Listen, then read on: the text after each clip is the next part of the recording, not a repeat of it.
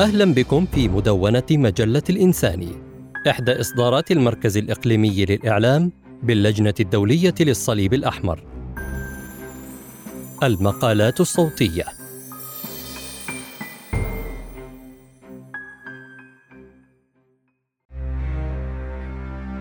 بلد ينهض من حرب ليواجه أخرى. النزاع غائر في ذاكرة السودان. أمير تاج السر.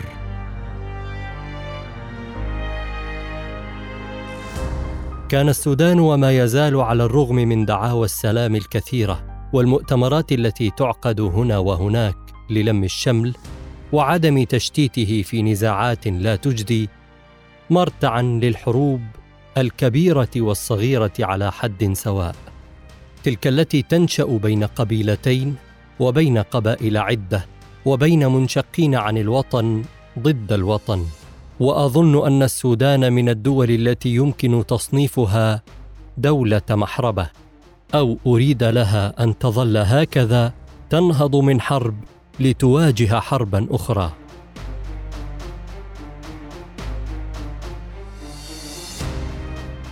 إذا عدت بذاكرتي لتلك المرحلة التي عاصرتها إلى حد ما أي مرحلة الحرب الأهلية في السودان منذ 1983 حتى 2005 لعثرت على ملايين اليتامى وآلاف القتلى والجرحى المشوهين وما زلت أذكر اشخاصا من أقاربي أو معارفي تاهوا في ذلك الظلام وتركوا خلفهم الصرخات والعويل.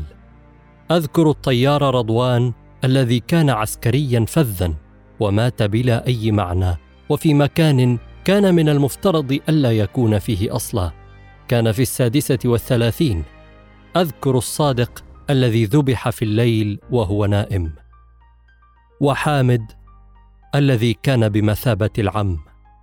ذلك إضافة إلى المشوهين الذين كادوا أن يضيعوا بألغام زرعت أصلا لضياعهم وشاء حسن الحظ أن يفقدوا اطرافا فقط. ويعودوا إلى بيوتهم لكن بمعنويات محطمة من جراء ما تبثه ذاكرتهم عن حوادث تلك الأيام التي عاشوها.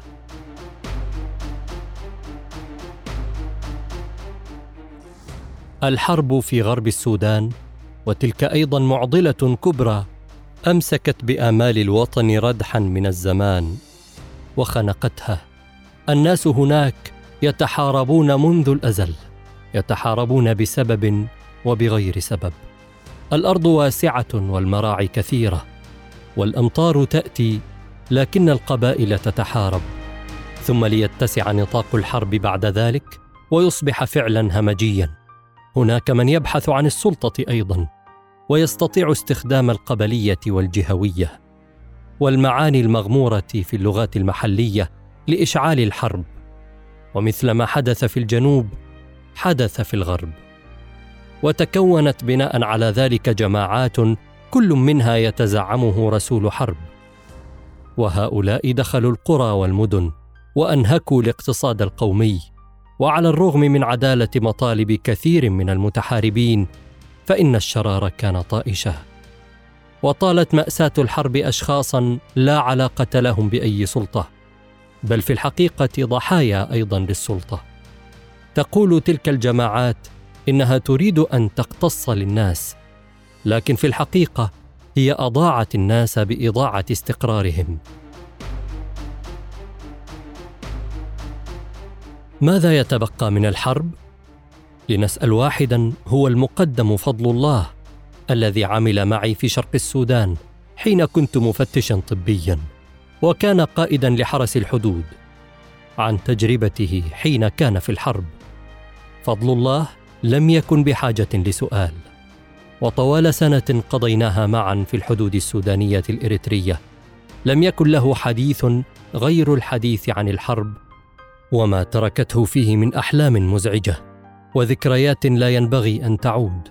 هو دائما يتحدث عن زملاء ذبحوا أو قتلوا بالرصاص أو تمزقوا اشلاء بسبب ألغام لم ينتبهوا لوجودها. يتحدث عن قرى دخلوها في الجنوب وفوجئوا بنساء يحملن الحراب ومستعدات لغرسها في قلوبهم عن عربات مدرعة سقطت في الفخاخ ومات أصحابها عن جثث كثيرة متغضنة ومشوهين كثيرين جدا بلا حياة تقريبا. وتحدث مرة عن واحدة اسمها سوشيله جنوبية حسناء كما يصفها. كان يتحدث معها حديثا هامسا في إحدى القرى حين أصابها أحد الجنود برصاصة وأسقطها بزعم أنها من الخونة. لن أغفل مسألة اللاجئين وهي من مضاعفات الحروب التي لا تخمد أبدا. وشخصيا وثقت لتلك المسألة في روايات عدة منها رواية منتجع الساحرات التي تحكي عن لجوء الإريترية الجميلة ابابا تسفاي إلى مدينة بورت سودان لتقتل هناك. اللجوء من أشد عذابات الحروب وطاه إنه باختصار انتقال من الجحيم المعروف إلى الجحيم غير المعروف. فاللاجئ الذي يترك بلده المشتعل يبحث في العادة عن الأمان عن الرحمة عن بداية جديدة لحياة جديدة. لكن ذلك في الغالب لا يحدث. هي عذابات تحمل مع المرء أينما ذهب ومجهول في الغالب له سيوفه وسكاكينه التي سيشهرها في وجه اللاجئ. أنا سآخذ ابابا تسفاي نموذجا وهي في الحقيقة نموذج أخاذ لمعنى الضياع الذي تعممه الحرب على الأبرياء. هذه الفتاة الجميلة كانت بالقطع تعيش ماضيا حتى لو كان بائسا وجائعا لكنه مستقر. الحرب اندلعت في بلادها. أبابا عملت في بورت سودان بائعة للشاي. بائعة فقيرة لكن تملك معاني جيدة عن الشرف. والبقاء بلا ندوب أخرى غير ندوب الأسى التي أحدثتها الحرب. لكن مثل هذا الجمال في بلاد غريبة ووسط أفاع وجرذان وأشخاص بلا هوية معروفة وربما لصوص وقتلة جعل منها فتنة تصنع الشاي. ثم ليطعنها عاشقها عبد الكريم بخنجر حاد وينتهي الأمر.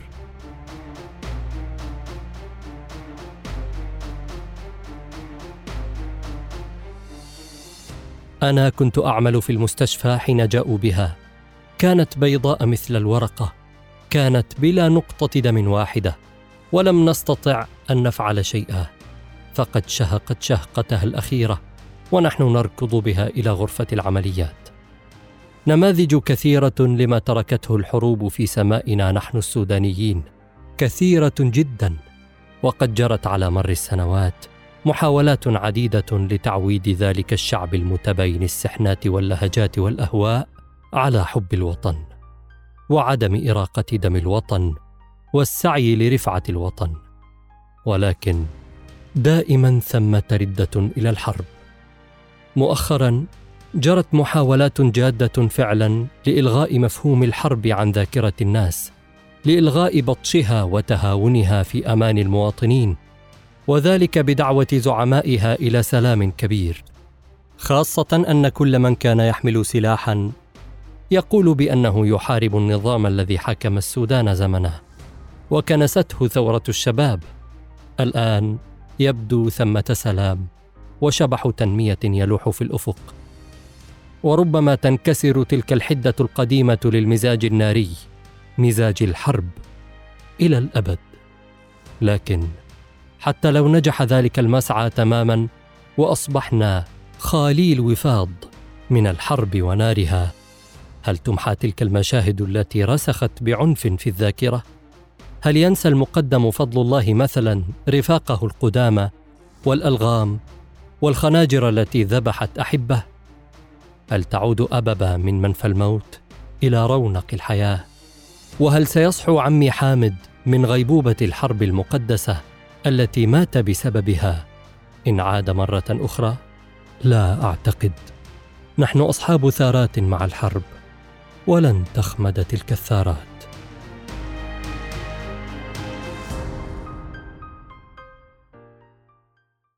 شكرا للمتابعة. للاستماع إلى مزيد من المقالات زوروا الموقع الإلكتروني لمجلة الإنساني blogs.icrc.org الإنساني استمعتم إلى هذا المقال بصوت معتز صقر.